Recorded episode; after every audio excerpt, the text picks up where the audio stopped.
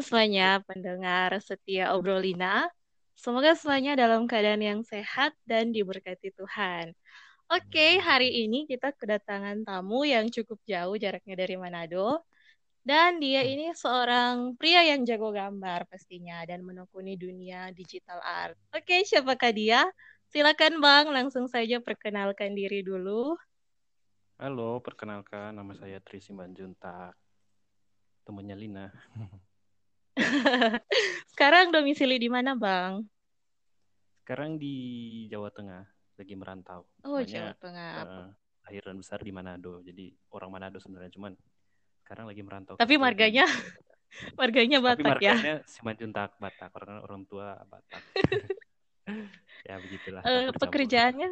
Oke, pekerjaannya apa Bang sekarang? Pekerjaannya di bidang kelistrikan. Bidang kelistrikan, oke okay, hmm. oke. Okay. Menerangi Nusantara ya?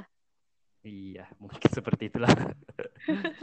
iya Bang, sudah cukup hmm. lama ya tidak berjumpa. Dan oh, iya, hari ini kita mau bahas-bahas uh, tentang pelayanan di dunia digital, khususnya hmm. uh, gambar dan video animasi. Iya. Ya, dulu itu Bang, aku waktu masih kecil juga suka sekali dengan menggambar, tapi hanya oh, sebatas oh, gitu. kayak gambar-gambar pemandangan pemandangan ya, hmm. ya, tau lah anak-anak SD kan. Iya, iya. Dan yang paling suka itu kalau gambar-gambar animasi atau orang pasti jadi rusak. kalau sendiri gimana Bang? Awal mulanya terjun ke dunia gambar? Nah, kalau aku sebenarnya waktu itu dari kecil juga, jadi waktu kecil sekitaran bahkan mungkin sebelum sekolah ya waktu itu karena wow. abangku itu, abang-abangku itu suka komik. Oh iya iya iya luar biasa. Jadi mereka suka komik. Jadi pas aku masih SD mungkin kelas 1 gitu um, di rumah udah banyak komik. Jadi komik-komik dulu yang punyanya abang waktu itu. Nah dari komik-komik itu aku coba gambar. Jadi ya jiplak gitulah, dijiplak dulu gambar-gambarnya. Mm -mm. Oh iya, jadi berawal dari komik, lalu? Iya, berawal dari komik itu. Waktu itu jadi gambar-gambar dari komik yang punya punyanya abang gitu. Hmm. Abangku juga yang paling tua kalau nggak salah, kalau nggak salah waktu itu dia juga jago gambar. Jadi dia pernah juga sempat ngajarin aku gambar waktu dulu. Tapi sekarang malah aku yang lebih sering gambar dia udah nggak nggak gambar lagi. Oh Tapi iya iya. Dulu udah dia juga gambar. yang lain. Iya. Jadi itu sih kalau awal mulanya aku gambar dari komik-komik sebenarnya, komik-komik dari abang-abangku. Jadi uh, gambar yang bermula dari gambar tradisional dulu, terus akhirnya berkembang hmm. sampai ke digital ya? Iya. Jadi tradisional uh, dulu itu sampai mungkin sekitar SMA, SMA kelas 2. Oh, SMA, SMA kelas 2. 2 atau SMA kelas 1 itu kalau nggak salah kakakku, abangku yang nomor 2, dia masuk di informatika kan. Jadi di rumah ada komputer gitu. Nah, jadi aku utak-atik lah, aku coba utak-atik komputer. Gambar di paint ya? Di paint, uh, sempat bikin gambar-gambar di paint dulu, bener. Oh iya iya. Dulu, uh. Habis itu coba ke pakai Photoshop waktu itu, sampai sekarang masih pakai Photoshop. Oh, jadi pakai Photoshop. uh, jadi sempat digabung dulu, jadi gambar dulu lewat tradisional, terus di scan, masukkan di ke komputer, dulu terus diedit di komputer pakai Photoshop gitu. Nah, itu mulai dari SMA itu, mulai terjun ke dunia digital SMA kelas 2, kelas 3 gitu. Oh, sampai pas kuliah lebih fokus lagi ya? Nah, kalau di kuliah sih sebenarnya cuma di awal-awal kuliah. Jadi oh, di awal-awal kuliah tahun 2010 um, saya mulai kuliah di Teknik Elektro.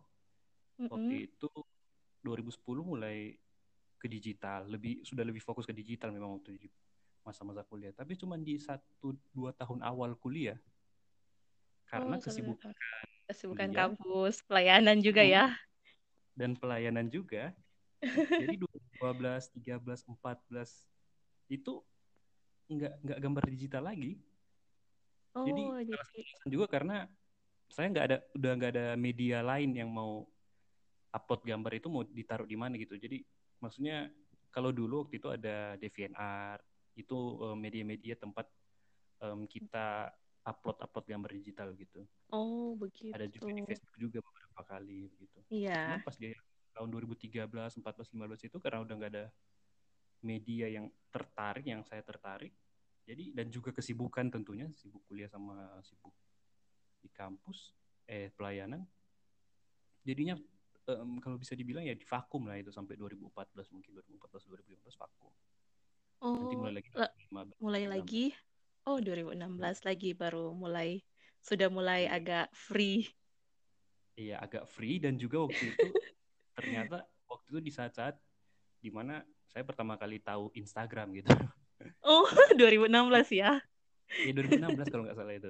Jadi dari teman-teman kelompok gitu, teman kelompok kecil bilang di Instagram juga kan kita bisa upload karya-karya iya. digital, digital art. Gambar-gambar digital.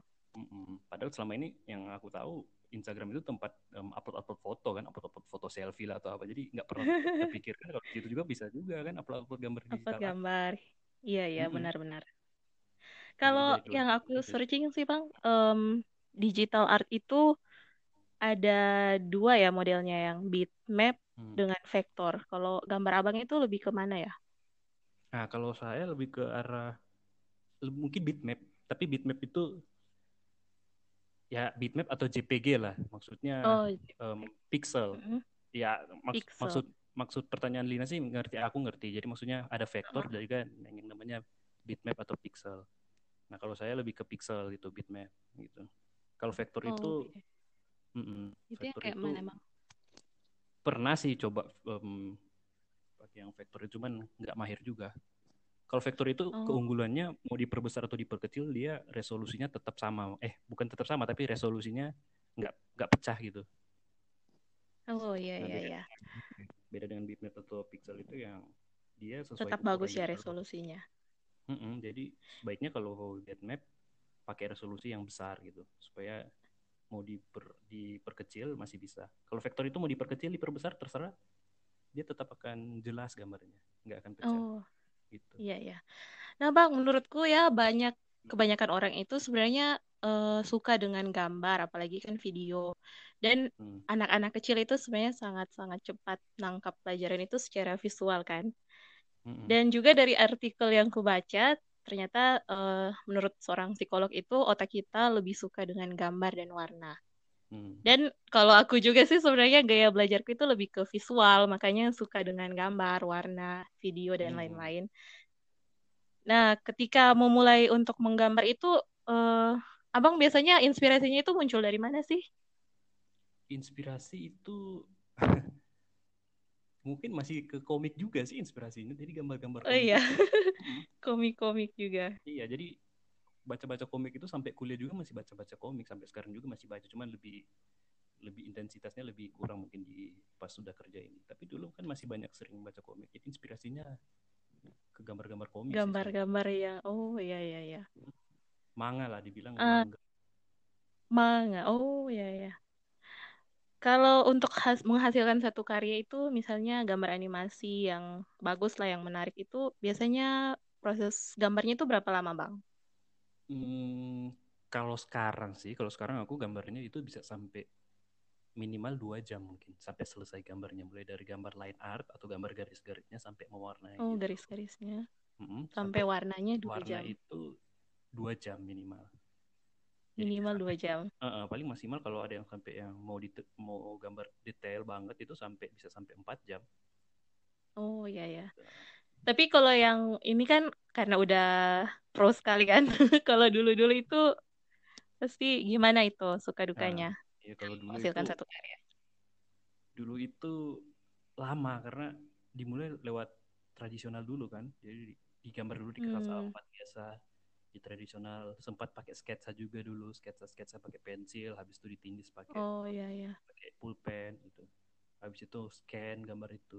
Dulu juga um, salah satu um, yang sempat diingat juga karena dulu waktu itu aku nggak nggak ada nggak ada scanner kan. Oh iya. jadi terpaksa harus Terus? Um, pergi ke rumah teman gitu. Ada itu teman Ju. Untuk? Teman, oh untuk nge-scan.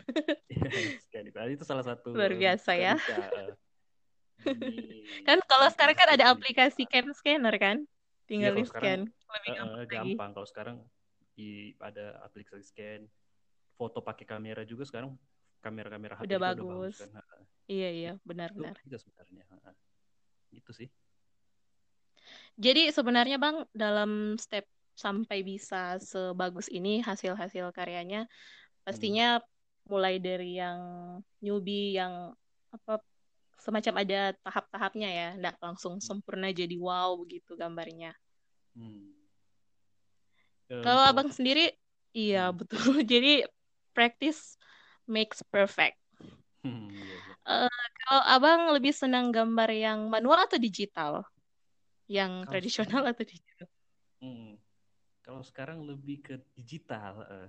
Digital kalau ya. manual memang uh, manual, aduh karena membutuhkan pulpen dan kertas jadi sedangkan uh, sedangkan kalau digital kan ada banyak keuntungan kalau digital kalau udah salah oh, tinggal iya. di Ctrl Z diunduh gitu oh, nah, bisa gitu. dihapus langsung gitu beda dengan manual ya oh ya toolsnya pakai apa bang kalau gambar digital kalau gambar digital toolsnya itu ada namanya pen tablet nah itu hmm. tempat um, buat gambar yang gimana kalau saya gambar di situ nanti akan langsung muncul di komputer pen tablet. Kalau oh, saya kayaknya oh, iya. semacam tab ya, Bang? Iya, semacam tab, tapi layarnya hmm. itu um, layar monitor TV, eh monitor TV, monitor PC gitu. Oh, begitu. Iya. Cari aja di Dan di pen-nya juga ya langsung ya. digambar di situ. Gimana, Lin? Softwarenya apa? Softwarenya biasa pakai software apa? Kalau software itu Photoshop. Oh, Kalau aku pakai Photoshop. Sebenarnya banyak juga software-software lain kayak Wacom Pen Tool, Pen Tool Sai, um, hmm. banyak sih. Kalau saya pakainya banyak. Um, ada di Photoshop. Oh iya. Uh, hmm? Sebenarnya kan banyak sekali ya, menurutku banyak sekali keuntungan ketika orang diberikan talenta oleh Tuhan untuk bisa jago gambar kan. Apalagi di dunia perkontenan saat ini orang-orang yang jago desain animasi itu sangat-sangat diincar kan. Uh, abang sendiri pernah nggak terlintas untuk fokus menekuni hal ini dan uh, maksudnya berkarya dan menghasilkan uang dengan um, gambar ataupun video animasi hmm. iya waktu itu pernah sempat terpikirkan memang untuk fokus di dunia digital itu masa-masa ada dua ada dua masa waktu itu masa di mana baru lulus SMA sama masa di oh, iya. mana di saat-saat kuliah gitu. Di dua kuliah. masa ini terpikirkan untuk fokus di dunia digital, gambar digital ini digital. karena mm -mm, karena dari tahun 2010 itu saya udah lihat kalau ternyata potensi digital art ini akan besar nantinya. Iya, nah, benar-benar. Potensi itu seperti ke, misalnya webtoon kalau yang untuk mm -hmm. lebih lebih mirip dengan gambar-gambar gambar komik itu ya, lebih ke iya. uh, komik komik digital gitu selain itu juga di perusahaan-perusahaan dan berbagai berbagai konten-konten sekarang kan membutuhkan digital art nah jadi sebenarnya yeah. dari dua terpikirkan waktu itu untuk fokus ke digital art cuman memang um, panggilannya ya, bukan ke situ fokus. Oh, waktu itu um, skillnya masih belum belum memadai kalau di tahun 2010 itu. Oh iya iya. uh, untuk supaya nggak itu memilih masa depan gitu jadi juga saya juga untuk kuliah di teknik elektro itu. Jadi um, di pikiran saya waktu itu supaya bisa jalan bareng gitu Sem bisa kuliah bisa juga um, mau menekuni gambar digital. Hobi. Hobi. Ya benar jadi masih hobi dulu. Nah pas kuliah juga pas mau di akhir-akhir kuliah itu sempat juga terpikirkan untuk tetap iya. digital art. Jadi nggak akan cari mm -mm. pekerjaan lain tapi fokus di digital art. Fokus di situ. Karena waktu itu uh, karena waktu itu terpik karena waktu itu aku melihat juga konten konten-konten digital seperti komik digital yang webtoon itu benar-benar booming gitu. Jadi banyak banyak iya, orang benar-benar sekarang uh, anak-anak muda yang di bawah umur-umur kita itu bacanya webtoon sekarang bukan bukan komik yang biasa gitu komik yang yang fisik ya. fisik uh, udah yang digital sekarang. Uh, jadi terpikirkan juga waktu itu. Sempat mau bikin webtoon memang waktu itu di akhir-akhir masa itu 2017 sudah ada konsep. Oh, konsep-konsep. Tapi akhirnya terpanggil lebih ke dunia listrik listrik di dunia juga aduh jadi ya oke okay, jalani saja tetap ini pekerjaan yeah, yeah. di bagian kelistrikan ini tapi tetap juga um, tidak tetap menghasilkan karya ya di tetap menghasilkan karya setelah waktu senggang waktu senggang-senggang tetap juga buat gambar di digital art ini itu sih tetap tidak akan meninggalkan si dunia digital learning walaupun sudah kerja di bagian yang bukan digital digital. Iya bang, ternyata uh, yang menariknya juga selain uh, selain gambar-gambar yang keren-keren itu, jadi hmm. ternyata abang ini juga punya channel YouTube ya, yang hmm. ada video-video animasi Kristen. Iya. Uh, channelnya Metanoer ya bang, cara bacanya? Iya, Metanoer. Nah itu gimana ceritanya sampai bisa terlintas mau bikin YouTube channel itu? Hmm jadi itu dimulai di tahun 2016. Nah, kan yang hmm, saya bilang 2016. tadi, mm -mm, yang di kampus itu selain saya kuliah juga saya terlibat di pelayanan kampus, pelayanan kampus di UPK Kristen Fakultas Teknik waktu itu namanya. Mm -hmm. Nah, di masa-masa itu um, kebetulan saya dipercayakan di bagian komunikasi dan dokumentasi. Nah, komunikasi dan dokumentasi ini dia fokus juga di bagian publikasi digital gitu. Jadi publikasi. Oh iya, ya. jadi buat-buat konten lah untuk publikasi. Buat, konten juga. Oh iya nah, iya. Terpikirkan pada masa itu sempat terpikirkan mungkin video konten animasi dari situ. Nah tujuannya yeah. sebenarnya yang terpikirkan pada masa itu di tahun itu dimulai di 2016. Di 2016 itu 2016. Saya, mm, saya melihat um, beberapa adik-adik teman-teman sepelayanan ketika mereka mau ikut di dalam pelayanan kepanitiaan ataupun kepengurusan, selalu di awal-awal itu timbul ada masa-masa kekhawatiran. Nah, hmm, khawatir gimana mau bagi khawatir, waktu ya untuk kuliah studi uh, dengan pelayanan. Iya. Nah, dari situ um, aku mulai terpikirkan untuk ah, gimana kalau bikin konten video animasi tentang kekhawatiran. Oh, luar biasa mulai, ya. Uh, video awal metanoir itu dibuat di situ di Jadi, situ ya pertama kalinya tentang kekhawatiran bagaimana mereka khawatir dalam memulai pelayanan.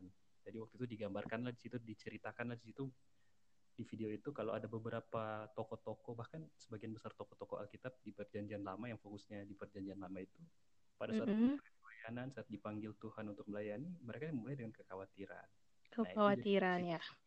Topik cerita video pertama kali dibuat itu di tahun 2016. Nah waktu itu di uploadnya video itu bukan di YouTube malah cuma di Facebook.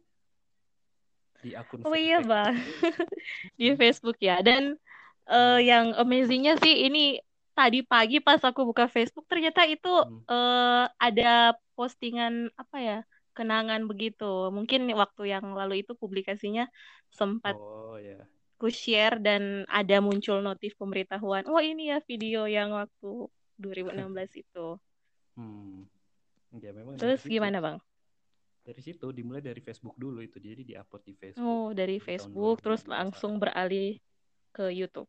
Iya, waktu itu pas di YouTube pas mulai dari 2017. Oh 2017 malahan. 17 Oktober itu saya ingat itu Oktober 2017 itu video-video yang sudah saya upload di Facebook ada empat video kalau nggak salah itu selama satu tahun uh -uh. sampai 2017 ada empat video itu saya um, upload lagi di YouTube dengan nama channel oh, Meta iya. Nah, jadi nama itu namanya itu, dari mana bang? Kenapa sampai dibuat Metanoia? Nah itu Metanoia itu um, katanya sih sebenarnya diambil dari metanoia. Meta, oh metanoia, uh, uh, pertobatan ya? Pertobatan, uh, perubahan.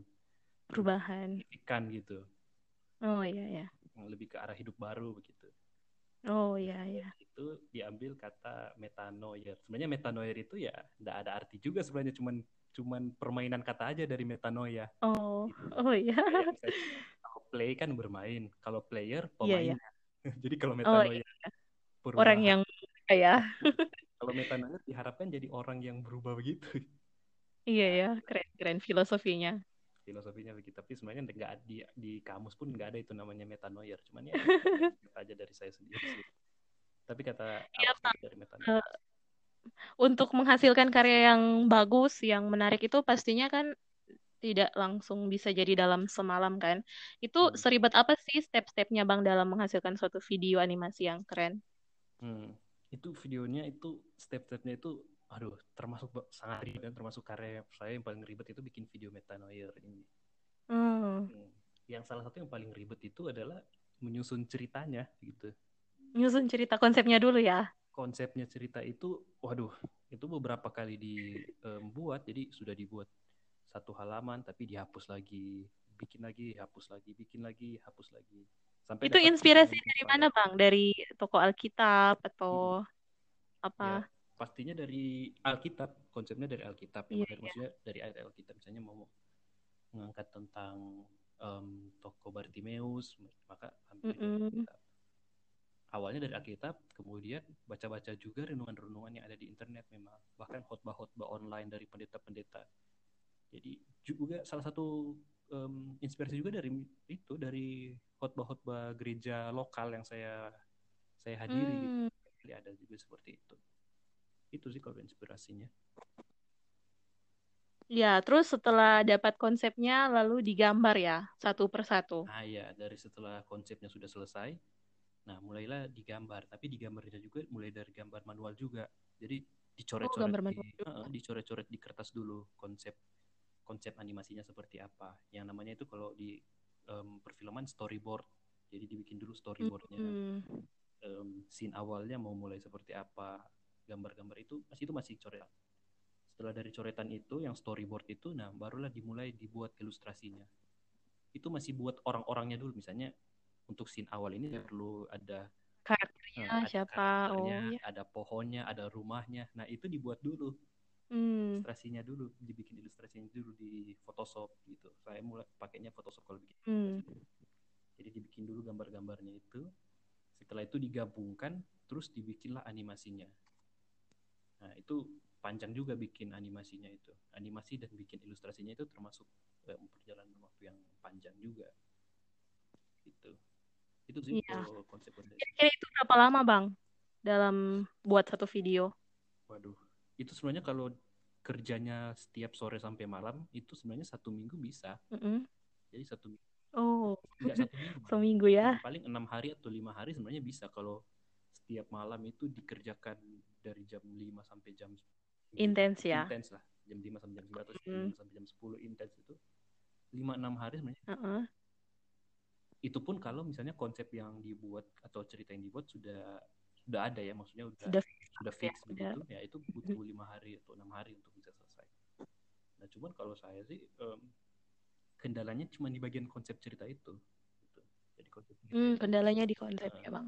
Karena saya juga termasuk orang yang susah dalam menulis gitu menulis cerita jadi karena lebih banyak menggambar mungkin susah menulis cerita juga pas saat ini saya menulis hmm. cerita itu butuh butuh waktu yang sangat lama gitu jadi ditulis terus ditulis ya untuk gitu. mendapatkan idenya itu ya ya idenya idenya itu wah sulit juga dapatnya itu sih prosesnya ya jadi sangat lumayan ribet juga ya hmm. dalam proses pembuatan satu video dan yang paling luar biasanya lagi eh, orang-orang uh, awam kita-kita ini yang nggak tahu soal itu hmm. tinggal duduk manis dan bisa menikmati karya itu dengan gratis tanpa tahu gimana ribet ya orang yang buat uh, satu video itu. Hmm. Jadi buat teman-teman sebenarnya sih um, kita juga perlu untuk menghargai karya orang. Hmm. Ternyata itu butuh proses yang panjang dalam menghasilkan satu karya yang bagus. Hmm. Nah, kalau menurut abang gimana perasaannya ketika um, hasil yang sudah dibuat bersusah payah, hmm. terus diupload ke YouTube dengan cuma-cuma itu ada perasaan apakah yang dirasakan? Hmm. Ya, um, sebenarnya senang karena lewat lewat um, lewat YouTube ini akan ada banyak orang yang yeah. melihat video itu, walaupun secara gratis.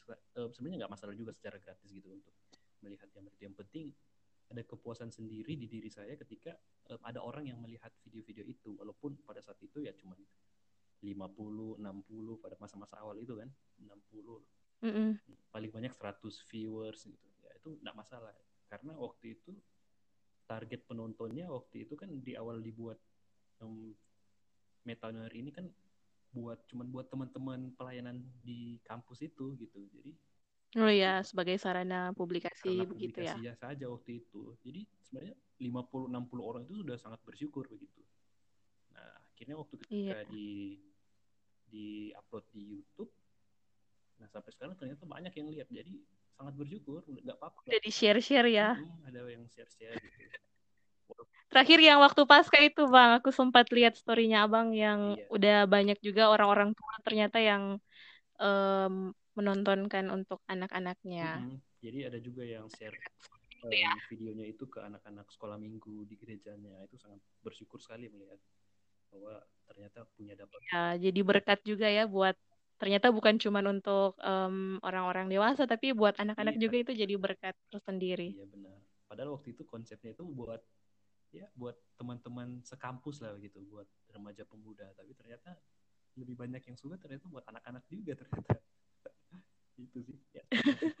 ternyata untuk berbagai usia ya, berbagai karena usia. ternyata orang itu dengan video. Hmm, benar. Iya, iya bang. Um, jadi perasaan uh, senang itu hmm. ketika banyak orang yang bisa lihat yeah. meskipun um, awal-awalnya itu viewernya masih sedikit tapi ketika lama kelamaan akhirnya jadi semakin banyak orang yang diberkati juga hmm. dan ternyata uh, ketika kita berbagi itu ternyata bukan cuma orang lain yang bahagia dan ternyata diri kita sendiri juga merasakan bahagia yeah. kan sesederhana itu karena menurut psikolog juga uh, ada hormon-hormon dalam tubuh yang mengeluarkan rasa bahagia. Um, mungkin abang ada pesan-pesan bagi teman-teman siswa ataupun mahasiswa atau juga hmm. mungkin ada alumni yang suka atau passionnya di bidang digital art ini apalagi di masa-masa WFH ini kan di rumah hmm. aja ada tips atau pesan-pesan buat mereka supaya tetap menghasilkan karya? Hmm, aduh, susah juga ini tips karena saya juga masih banyak memerlukan tips dari orang-orang yang lebih mahir dari saya sebenarnya. Cuman memang kalau yeah. ditanya seperti itu, ya berbagi, ya, tetap berkarya. Mm -mm. Jadi tetap tipsnya ya tetap berkarya buat teman-teman ya. punya punya passion di bagian ini untuk share konten atau share hal-hal baik di sosial media, ya silahkan berkarya tanpa memikirkan berapa orang yang nantinya akan melihat. Iya betul betul. Gitu. Perlu fokus ke angka-angkanya. Yang penting bisa membagikan hal baik begitu. Jadi menurut saya nggak perlu ada kamu followers kamu ada sepuluh ribu atau dua puluh ribu untuk jadi influencer. Mm, betul. Jadi followersmu ada 20 atau 30 pun kamu bisa jadi influencer untuk orang-orang di sekitarmu, baik itu untuk satu atau dua orang temanmu yang membaca konten-kontenmu yang baik itu. Ya, jadi itu sih tetaplah share setiap konten-konten baik yang kamu um, kamu suka, yang kamu anggap itu akan berguna bagi orang lain, silahkan share konten apa pun itu, baik itu video, animasi, gambar, gitu, tanpa memikirkan angkanya. Iya betul betul bang. Jadi uh, yang perlu kita bangun itu sebenarnya mindset yang benar dulu ya terhadap satu karya hmm. itu ketika kita menghargai karya kita sendiri uh, jangan terlalu mem yang penting orang lain bisa iya. Gambar itu ya itu bisa jadi berkat buat jumlah angka nah ternyata um, seru juga ya dunia dan iya. menurutku melayani Tuhan itu bukan orang uh, jago khotbah atau pintar ngajar, jago musiknya lain-lain. Iya, benar. Tapi ternyata lewat Perlu... dunia art ini juga digital art ini juga uh, sebenarnya kita juga bisa menjadi alat Tuhan kan untuk memberitakan firman Tuhan. Iya. Hmm. Benar. Jadi tidak perlu yang harus um, rohani banget gitu, tidak perlu harus um, karena saya juga bukan anak pendeta atau saya juga masih banyak kesalahan-kesalahan banyak masih banyak hal-hal yang mungkin jatuh dalam dosa. Tapi masih belajar juga ya. Sama-sama belajar. Masih belajar juga sama-sama belajar. Jadi jangan tunggu kita harus sempurna dulu. rohani banget atau sudah uh, sudah sempurna banget. Sudah sempurna baru kita share atau harus harus ini harus lanjut harus. studi uh, apa pendeta. Nah, iya atau harus studi pendeta ya saya rasa nggak nggak harus sampai sini. Iya benar-benar bang. Sama-sama belajar gitu. Karena kita semua sama-sama belajar. Iya. iya bagiku juga sangat-sangat terbantu sih sebagai seorang guru ketika uh, menceritakan tentang hmm. firman Tuhan apalagi kan kalau untuk anak-anak yang masih usia kecil itu sangat susah kan untuk membayangkan suatu Hmm. cerita dan ketika selesai cerita misalnya jadi misalnya kayak di sekolah aku biasa Bible story pas cerita itu tanpa Hmm. alat peraga jadi cuman cerita dengan peragaan tubuh sendiri terus setelah cerita itu baru Oh, gitu. diputarkan video jadi itu sangat-sangat membantu Hmm, ya. Syukurlah. Dan eh, semoga semakin banyak anak Tuhan yang punya kerinduan juga yang sama untuk bisa berkarya dan menggarap ladang ini. Thank you Bang untuk Hmm, sharingnya malam ini. Sungguh luar biasa Ya, mau berbagi makasih, banyak hal. Semoga tetap Ya, sehat ya walaupun eh, mungkin nggak bisa. Oh iya. Amin, semoga Ya. sehat. Sehat tetap Hmm. Berkarya dan semoga tetap menjadi saluran berkat buat Hmm. banyak orang. Amin. Bang, God bless you. Sampai jumpa Ya, di eh, konten-konten berikutnya mungkin masih bisa collab. Ya, Iya. bisa. Thank you. Makasih,